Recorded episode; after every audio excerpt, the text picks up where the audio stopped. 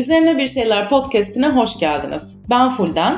Ve ben Nesli. 3 gün Avrupa'ya ayak basacağız diye 5 yıllık çile sahibi olduğumuz vize başvurularının hazin sonu vize redler üzerine bir şeyler söyleyeceğiz. Konuğumuz Biricik Seksüel.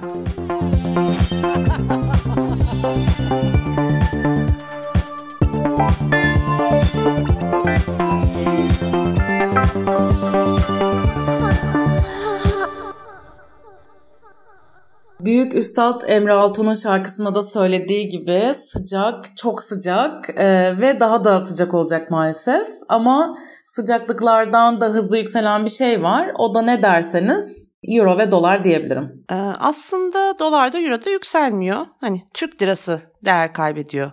Böyle Hı-hı. diyebiliriz. Teşekkür ederim Nesli'cim. Her gün bir yeni bilgi köşen için. Yani yeni bir bilgi olduğundan değil ben her gün e, hatta her saniye açıp açıp bakıyorum euro kaç olmuş diye. Bir an işte 29.68 sonra bir an 30.70 yani benim bu yaz gördüğüm tek dalga bu. E, böyle de devam edecek sanırım. Yani ne deniz kenarına gittim ne işte denizde bir dalga gördüm. Böyle bir dönemde zaten e, para birimi Türk lirası dışında olan bir yere gitmek çok zor. Para birimi herhangi bir şey olan bir yere gitmek çok zor. Yani bu hepsi için geçerli. Uçak biletiydi, kalacak yeriydi, yediğindi, içtiğindi derken kredi çekmeden e, herhangi bir tatile ayak basmak yani imkansız gibi bir şey. Hele ki hani Avrupa'ya başka bir ülkeye gitmek. Bir de çünkü onun için e, vize almaya çalışacaksın. Ki bu da son dönemde aşırı bir zor hale gelmeye başladı gördüğümüz üzere. Gitmek zor da kalmak kolay mı Benes'le? ee, zaten hiçbir zaman kolay ve keyifli bir süreç değildi vize başvuruları. Ee, ama gerçekten son bir yılda en azından benim hani takip edebildiğim kadarıyla son bir yılda gerçek bir kabusa dönüşmeye başladı. Ee, insan haklarının beşiği menba sayılan Avrupa'nın e, hakkı hukuku çekirdek gibi çitlediği bir süreç oldu vize başvuruları ve e, çoğunlukla da redlerle sonuçlanmaya başladı. Bunun üzerine bir şeyler söylemek için bugün Biricik Seksüel bizimle birlikte. Hoş geldin Biricik Seksüel, sefa getirdin kanalımıza. Ya hoş bulduk. Gerçekten geçen sene Spotify'da en çok dinlediğim podcast seçilen üzerine bir şeylere ne zaman konuk olacağım diye ben de çok merak ediyordum. Ee, bugüne kısmetmiş. Biz de merak ediyorduk. Evet. Güzel bir de bu konuda buluşmamız da çok güzel ve ayrıca anlamlı diye düşünüyorum. İyi ki geldin Biricik Seksüel. Seninle e, yolumuz kesiştiği ilk günden beri buraya gel konuk ol diye bekliyorduk. Gerçekten ikimiz de heyecanlı ve sevinçliyiz. Aynen öyle. Hoş geldin Biricik'cim. Aynı şekilde ben de çok heyecanlıyım. Buradan öncelikle T'ler ve L'ler olmak üzere herkese selam söylüyorum. Selamlarımızı da söylediğimize göre konumuza geri dönebiliriz gibi sanki. Ee, ne diyorduk? Ha, vize redlerinden bahsediyor idik. İnsanın hep kınadığı başına gelirmiş e, Fuldencim. Hani e, biz gençken neler yapardık diyen o kız olacağım şimdi. Ama gerçekten biz gençken Avrupa'ya sadece ayak basabilmek için böyle gıdım gıdım ayarlama yapmaya bile gerek duymadan e, bir yaz tatil aktivitesi olarak bile seyahat edebiliyorduk. Yani hani bir barda karar verip bilet almışlığımız bile var böyle arkadaşlarla. Tabii ki e, o zaman da para gerekiyordu. Hani bu çok ucuz bir şey değildi ama mevcut maaşlarımızla borca harca girmeden e, ve asla ve asla kredi çekmeden işte hafif tasarruflu giderek halledebileceğimiz bir şeydi ki hani buna vize masrafları da dahildi. O barda e, aniden karar verdiğimiz uçak biletinin fiyatına kadar hatırlıyorum 350 TL'ydi. Ankara'dan gidiş Atina'ya dönüş. gidiş ve dönüş. Bir de hani Nesli diyor hani biz gençken falan diye bu şey dönemi değil. İşte bizim zamanımızda istiklal çok eğlenirdik dönemi değil yani 2000'lerin başlarından bahsetmiyoruz. Ee, 2018 ve öncesi herhangi bir zaman aslında Zira 2018'de başladı dolar ve euro tırmanmaya. Ee, en son da bu bahsettiğimiz e, Atina seyahatinden 14 Temmuz 2016'da e, dönmüştük. Ülkeye ayak bastığımızdan beri maşallah pek uğurluymuşuz. Bir daha kolay kolay toparlanamadı TC. Evet o dönem almıştım ben de 10 yıllık pasaportumu. Şu an kendisini pamuklara sardım. Evde öyle saklıyorum. Arada çıkarıp çıkarıp bakıyorum ah canım pasaportum diye. 3 yılı kaldı. İnşallah hani bir kere daha kullanırım en azından. Bu yaz da böyle devam ederse e, sanırım hani yelpaze olarak kullanmaya başlayacağım diye düşünüyorum. Bu Atina seyahatinden önce de mesela e, ondan birkaç yıl evvel teyzemin yanına Paris'e gidip bir buçuk ay kalmıştım. Teyzemler hani orada yaşıyorlar. Hani dümdüz teyzemin yanına gittim bu arada yani öyle şey havalı bir tarafı da yoktu. Yani aile evine öyle kalmaya gittim. İşte park bahçede dolaştım. Yani yaz tatili yaptım bir şekil. Teyzem o dönem bana davet mektubu yollamıştı. O sayede de hani çalışmıyor olmama falan rağmen çok rahat bir şekilde hani vizemi falan da almıştım. İşte bir taraftan çok bir gelirim de yok. İşte normal sade vatandaş olarak gittim geldim. Ee, şimdi olsa teyzemin yolladığı davet mektubunu PTT'den teslim almak bile hani bayağı e, zor olurdu sanırım. Değil ki o davet mektubuyla vize alayım. Kesin derlerdi ki gideceksin kalacaksın değil mi sen de teyzenin yanında? Ben de ayıptır söylemesi 2012'de üniversiteden mezun olduğum yaz kendime e, bir buçuk aylık Avrupa seyahati hediye etmiştim. Böyle ne bileyim yerde yatmalı, en ucuz hostelde yatmalı ama öğrenci olarak böyle 4-5 ayda biriktirdiğim paraydı ve o ayki harçlığımı ayırmıştım. Öyle böyle mümkün olmuştu. E, hani içiniz yeterince kararmadıysa e, ben de bir örnek vereyim dedim. Ama e, bugün biricik seksüelle de konuşacağımız üzere e, son bir yıldır özellikle bambaşka bir durum söz konusu. Yani koca bir ülkeyi gerçekten oraya gitmek için halis sebebin olduğuna ikna etmek e, için inanılmaz bir çaba sarf ediyorsun. Delice paralar e, döküyorsun. Sen de biricik seksüel seni buraya getiren şey de e, son bir yılda aldığın redler değil mi? Almanya'dan birkaç kez red aldın diye biliyorum. Evet. Ee, birazcık da ben böyle gidebildiğim zamanlardan bahsetmek istiyorum. Öncelikle şunu itiraf ederek başlayayım. Sınıfsal bir mesele olduğunu, her zaman sınıfsal bir mesele Hı-hı. olduğunu yurt dışına çıkabilmenin, bunun bir avantaj olduğunu yani sağlanabilmesi için belli koşullar gerektirdiğini unutmamak lazım. Kesinlikle. Her zaman bir tık zordu. Ee, bugün çok çok daha zor. Bugün geldiği noktayı ayrı incelemek lazım. Ama şanslı bir çocuk geçirdim ben. İşte ne kıymeti varsa çocukken Avrupa gördüm. Hani oturup bir tane Naciye görmediğim Avrupa ülkesinde ben nasıl gezmiş sayayım oraları.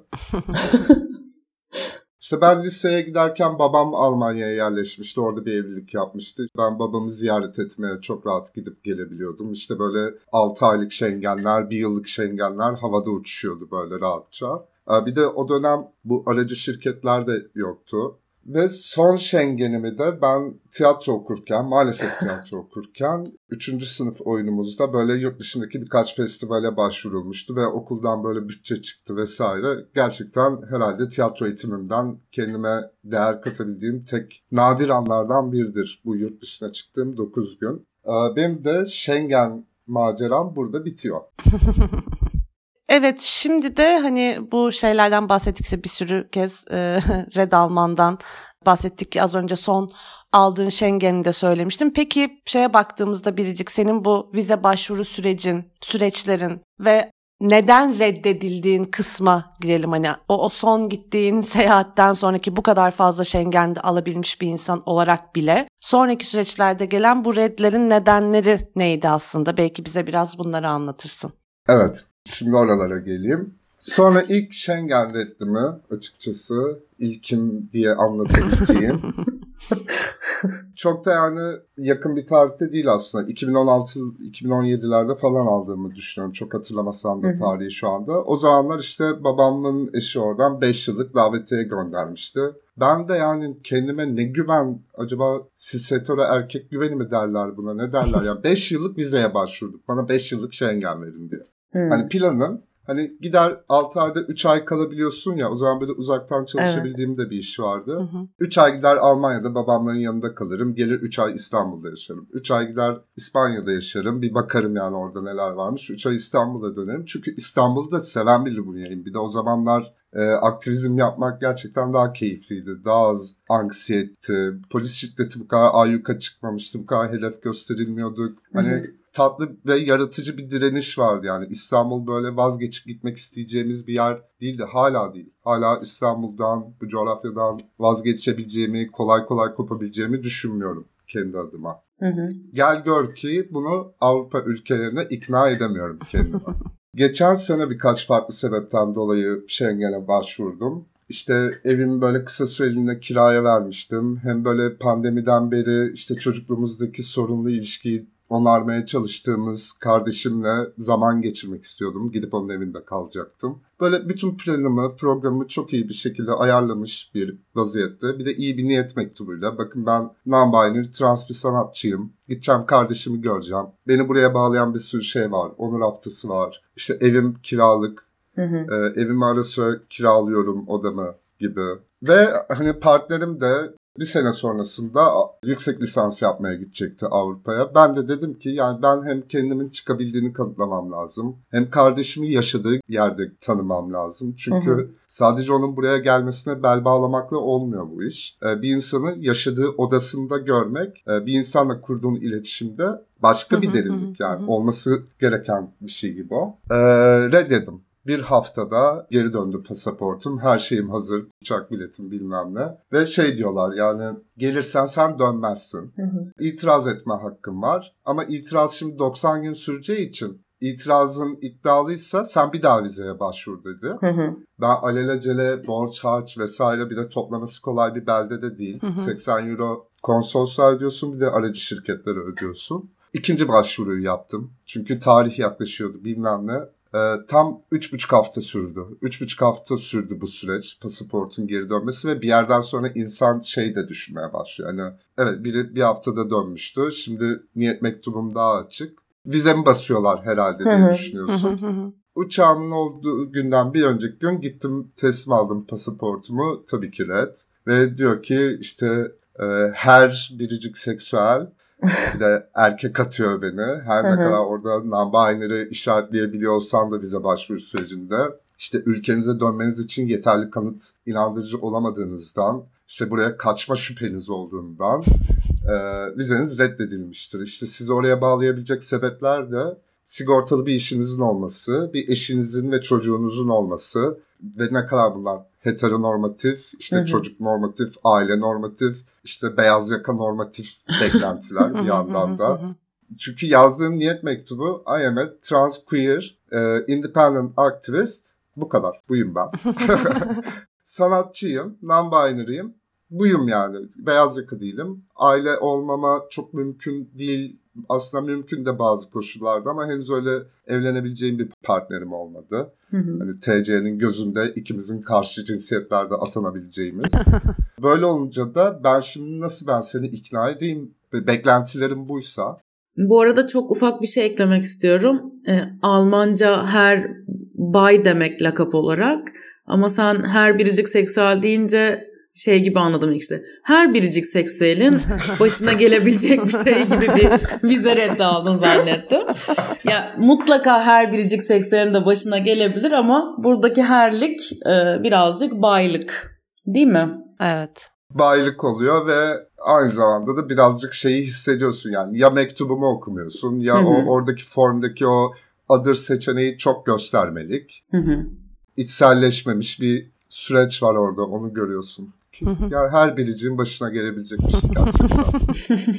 Cidden öyle. Bir de yani bu süreç aslında red alınca da bitmiyor bir taraftan. Çünkü hem maddi hem de manevi karşılığı var bütün bu sürecin. Yani hani vize başvurusu için randevu bile alamadığında ya da işte daha hızlı randevu alman gerektiğinde ve işten de uzun süre izin alamadığında bir güne yakın sıra bekleyecek imkanın da olmayabiliyor ve vize başvurusu için daha fazla para vererek işte aracı kurumlara, aracı şirketlere gitmek zorunda kalınıyor ve aslında bu şunu da sağlıyor. Yani eskiden konsolosluklarda, işte büyükelçiliklerde gidip bizzat böyle e, yüz yüze görüşebildiğimiz bir süreç de vardı. Yani hani belki oraya gerçekten neden gittiğini bir insana anlattığın ve onun anladığı ya da anlamadığı ya da soru sorduğu bir süreç. Ama artık yani birkaç belgeden ibaret bir hale de dönüşmüş oluyoruz vize başvurusu yaptığımızda ve o kağıda bakarak karar veren bir memur oluyor orada. Tam olarak bence Nesli bu şunu da getiriyor zaten. O vize başvurusundaki o vize memuruyla görüştüğünde senin halini, tavrını, oradaki yaklaşımını daha net kavruyordu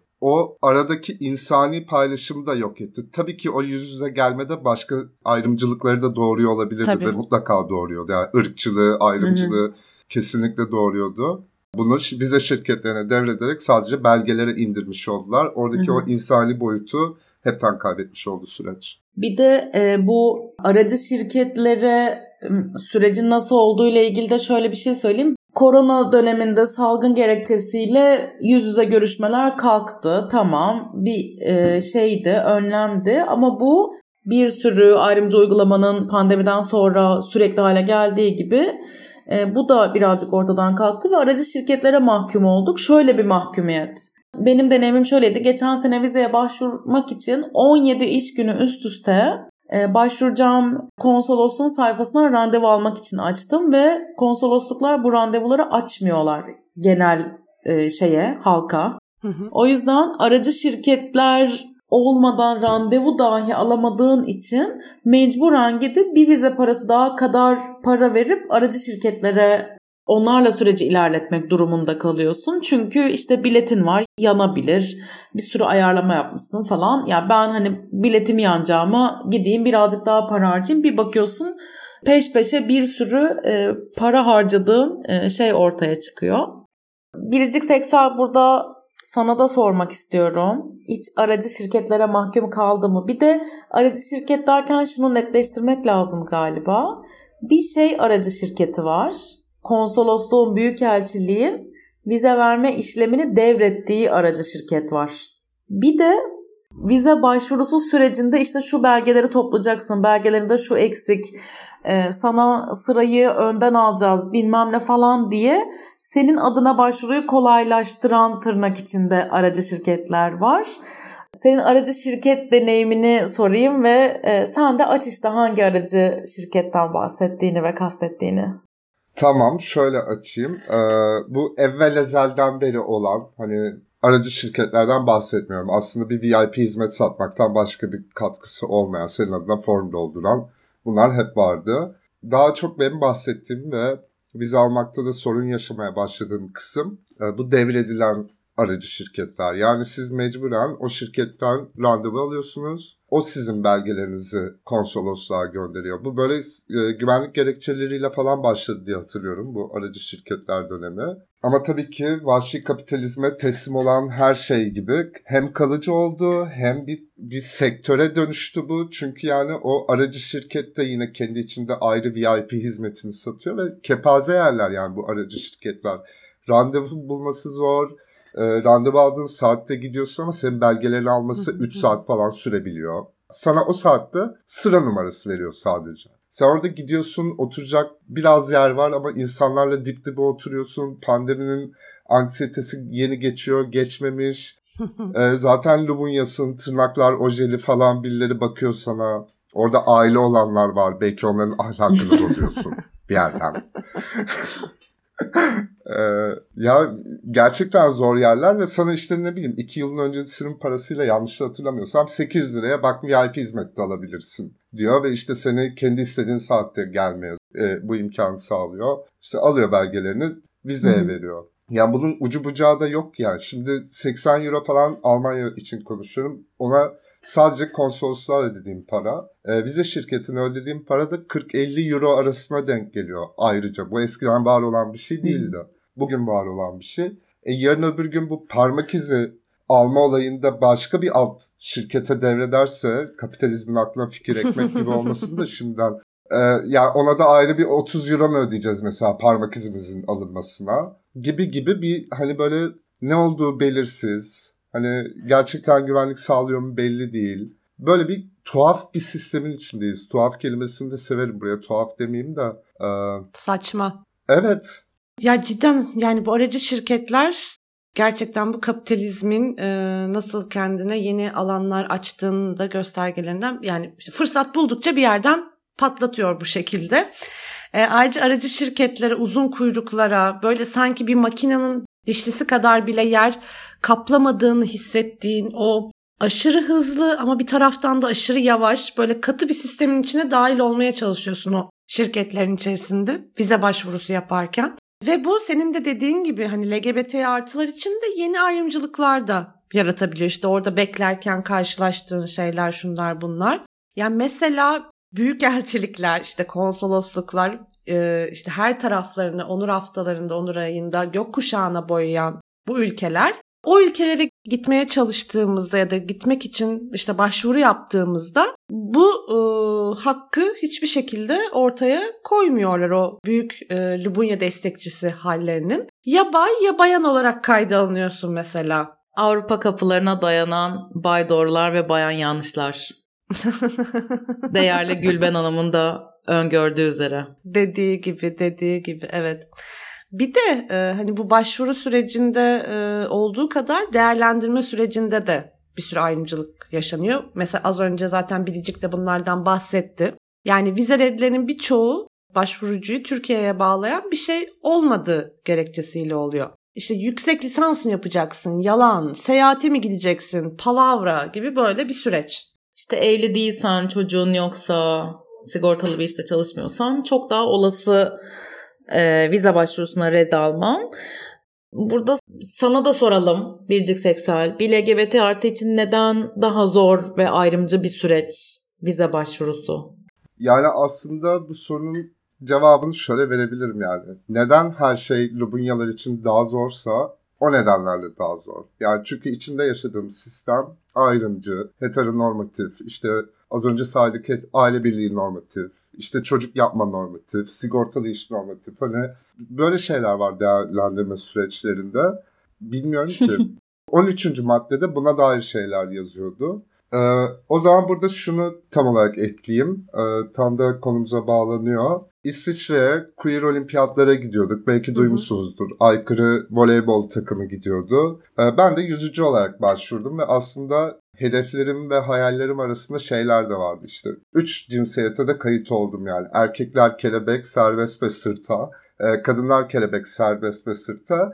Non-binary'lerde de 100 metreye kadar bunların hepsine teker teker kaydoldum. Hepsine ayrı bir e, mayo, işte gerek toplumsal cinsiyet beklentisi veya gerek onları tam olarak kıran kostümler düşünüyordum ki bu yarışmada gerçekten queer bir sporcu olarak yarışabileyim. Hı hı hı. Bu bahsettiğin şampiyonayı da biraz açar mısın? Euro Games'ti değil mi bu etkinliğin adı? Evet, Euro Games e, İsviçre'nin Bern şehrinde düzenleniyor. Aykırı voleybol takımı voleyboldan gidiyordu. Ben de işte yüzmeden katılıyordum. Sanırım her sene düzenleniyormuş. E, nasıl bir etkinlik olduğuna dair çok bir fikrim yok. Yani gittiğimizde muhtemelen o beyaz Avrupalı Rubunyaların arasında daha böyle trans kapsayıcı olmayan yanları da görecektik gibi hissediyordum. Ama e, güzel gelişmelerini de yakalayacaktık gibi hissediyordum. Mesela oradaki sporcularla buluşunca mikrofonumu da götürecektim tabii ki.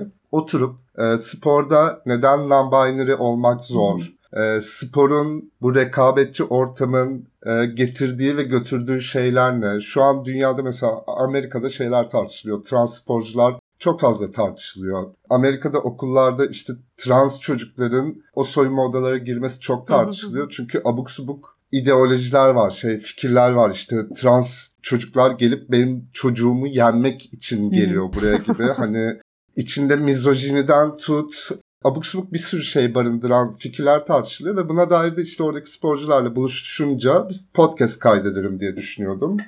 Aykırı voleybol takımı 7 kişi, ben 1 kişi, 8 kişi başvurduk. Ee, geçen hafta aldık sonucumuzu sizin ülkemize geldiğinizde verilen süreden sonra dönmeyeceğinize dair şüphelerimiz bulunduğu için vizeniz reddedilmiştir. Şimdi şunu düşünmeden edemiyorum. Hadi ben işsiz sanatçıyım. Hadi aramızdan birkaç kişi daha da böyle. E, bu takımın içinde işte aradığınız o sigortalı işe de, beyaz yaka işe de, e, akademik çevrede bir işe sahip olan birkaç kişi de vardı. Şimdi hepimize red geliyorsa acaba bu hepimiz Lubunya'yız diye mi geliyor? Bence oturup bunu bir yanıtlasınlar bize. Acaba bu vize redlerindeki Lubunyalara sistematik bir ayrımcılık mı başladı? Çünkü e, fon verip burada araştırdıkları derneklerden de çok iyi biliyorlar ki Lubunyalar burada mutlu değil. Bence neden bu kadar kriminalize ediliyor bu süreç? Hani bir Lubunya gelse senin ülkende kalsa sana ne zararı var diye bırakıyorum ortaya. Konsolosluklar cevap verebiliyor mu? Arayıp soralım. Konsoloslukları aradık ve hiçbirinden dönüş alamadan devam ediyoruz. Kapı duvar ama e, bir e, Onurayı etkinliğine kesinlikle davet alırız diye düşünüyorum. Yeter ki Türkiye'deki e, konsolosluk bahçesinde olsun.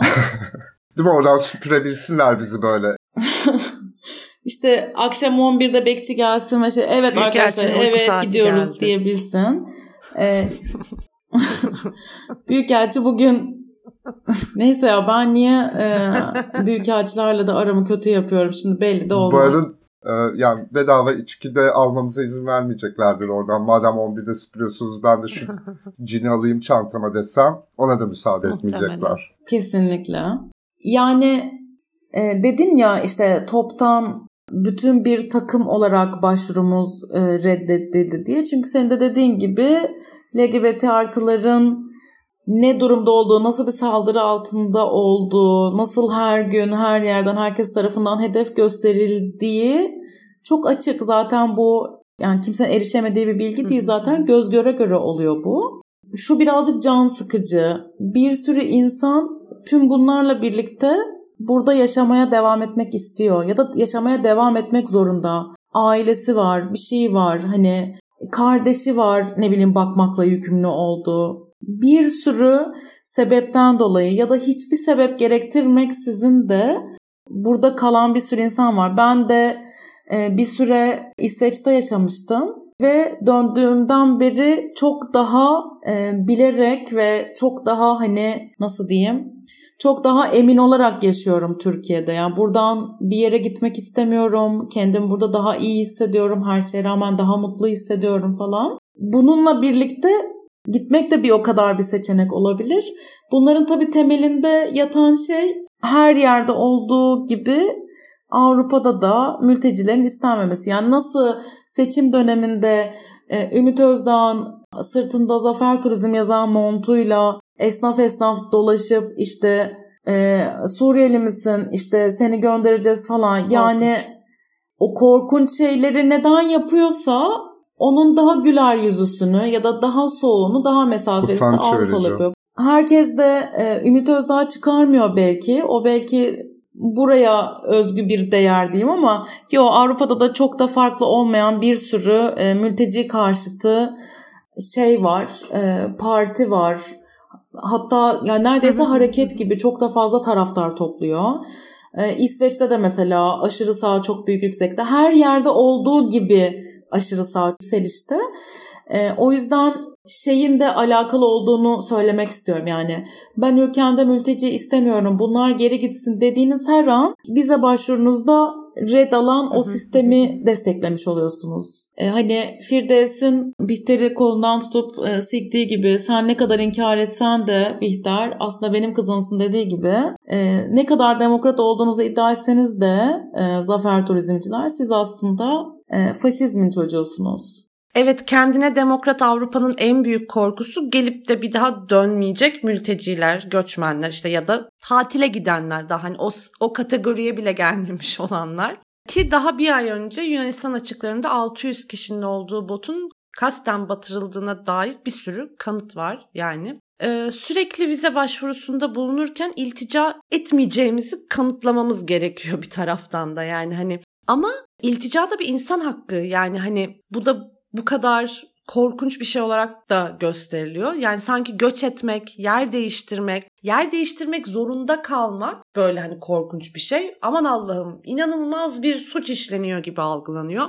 Cidden e, sınır politikaları sertleştikçe algılarımız da değişiyor bu konuda. Bir yandan da e, yurt dışına taşınmak en ideal şey ve göçmenliğin hiçbir derdi tasası yok gibi bir algı da var. Yani bu iki ucu böyle gerçekten birbirine e, tam zıt şekilde ki geçen sene de bununla ilgili bir bölüm yapmıştık aslında beyin göçü üzerine bir şeyler bölümü. E, hani buna benzer şeyleri orada da konuşmuştuk ama tabii o zamandan bu zamana da pek çok şey değişti. Hem Türkiye'de hem de dünya yaşadığımız süreçte. Genel olarak böyle göçmenlik deneyimini özellikle de e, bir Lubunya'nın göçmenlik deneyimini nasıl etkiliyor aslında bu sertleşen vize politikaları? Belki birazcık da bunu konuşabiliriz. Bundan sonra bahsedeceğim konularda Afganistan'da yaşanan bazı olaylarla ilgili biraz şiddet barındıran grafik bir anlatı yapacağım. Eğer bunu sizi kötü etkileyeceğini düşünüyorsanız e, ya buraları paslayın ya da birlikte dinlediğinizde hani bunu rahat açabileceğinizi, üzerine konuşabileceğinizi ve rahatlayabileceğinizi düşündüğünüz biriyle dinleyin bundan sonra kısımları. Ya ben öncelikle bu göçmenliği kötü olarak görmeye çalışan tüm insanları hatırlatmak isterim ki e, Afganistan'da bundan birkaç evet. yıl önce kalkan son Amerika Birleşik Devletleri uçağına kanadına hani içine binemedikleri için kanadına tutunarak kaçmayı deneyebilecek kadar çünkü kaçamadılar öldüler maalesef.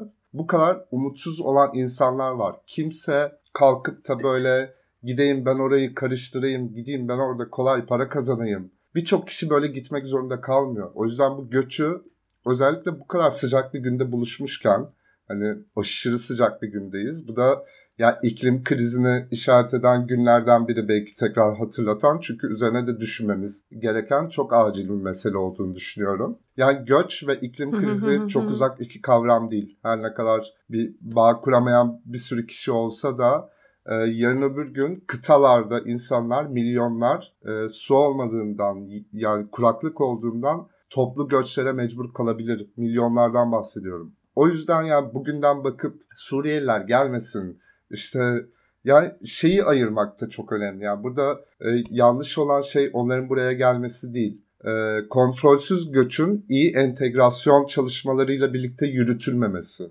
Yine aslında devletlerin suçu. Yani çünkü bu entegrasyon aslında tek taraflı bir şey değil. Oradan göç eden kişi senin toplumuna uyum sağladığı kadar sen de onun kültürünü, e, geleneklerini, işte giyinme tarzını kabullenmek için benzer ve entegrasyona girmek zorundasın ve girmek zorundayız hı hı. insanlık olarak. Çünkü iklim krizi bu ekoklips gerçekleştiğinde ortada işte Alman, Türkiye'li, Arjantinli, Perulu, Amerikalı bunların hiçbir değeri kalmayacak. Zaten hani Z kuşağı da bunu çok iyi görüyor yani. Belki görüyordur yani umarım e, sosyal medya sayesinde.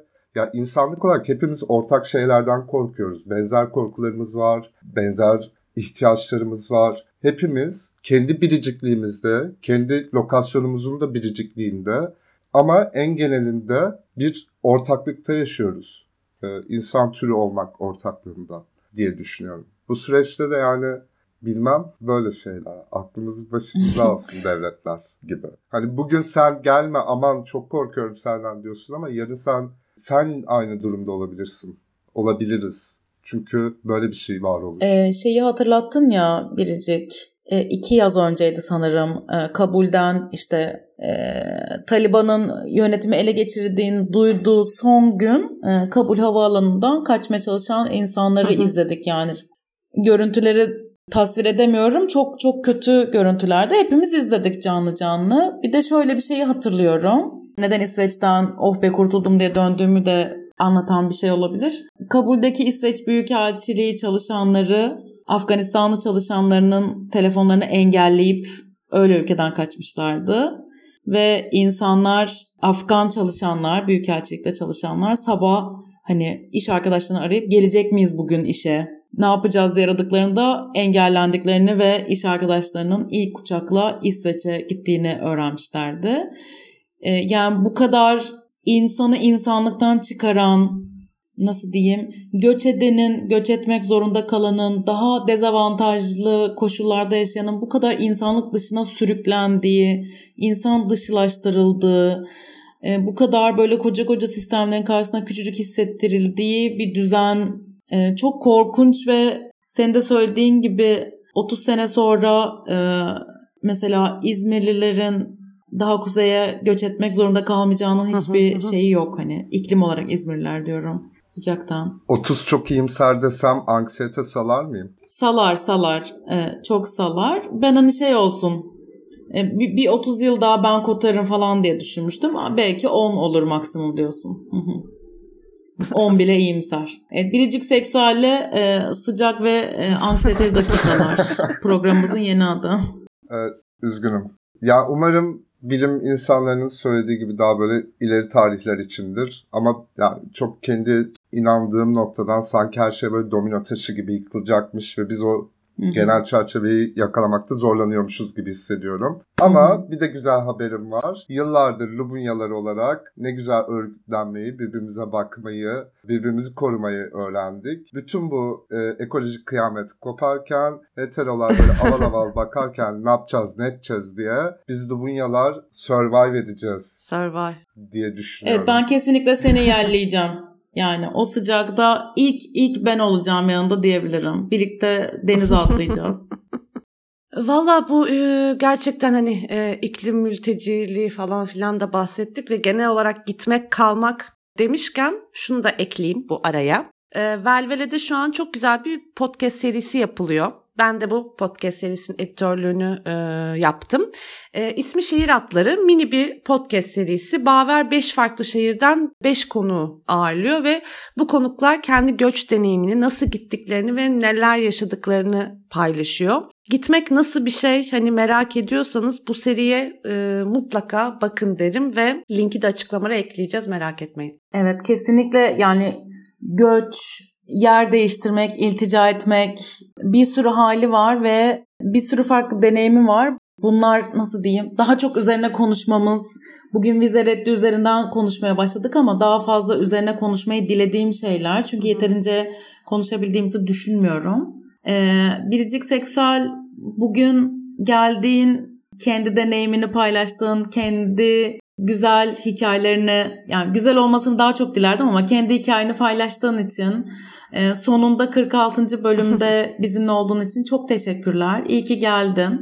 Ee, ben de çok teşekkür ediyorum. İyi ki buradayım. Bu sene de en çok dinlediğim podcast üzerine bir şeyler seçilirse e, yani kendimi dinlediğimden değil geçen sene de seçilmiştim. Bunu unutmayın. Bu kadar. Hazal'a da bir selam söyleyeyim mi ya? Canım Hazal ya. Benim ilk ilk podcast mecrasında Hazal'la mental kültüristi oldum. Onu da anmadan, şey yapmadan, böyle bir biriciklemeden geçmeyeyim buradan. Biriciklemek. E, kesinlikle harika bir fiil. E, bundan sonra kullanılacaktır. Hazal da zaten üzerine bir şeyler podcast'in en başından beri yani hem bize yol gösterdi hem çok destek oldu. Zaten hep birlikte aynı dönemde tanıştık. Buradan da kendisine öpücükler. Selamlar ve öpücükler.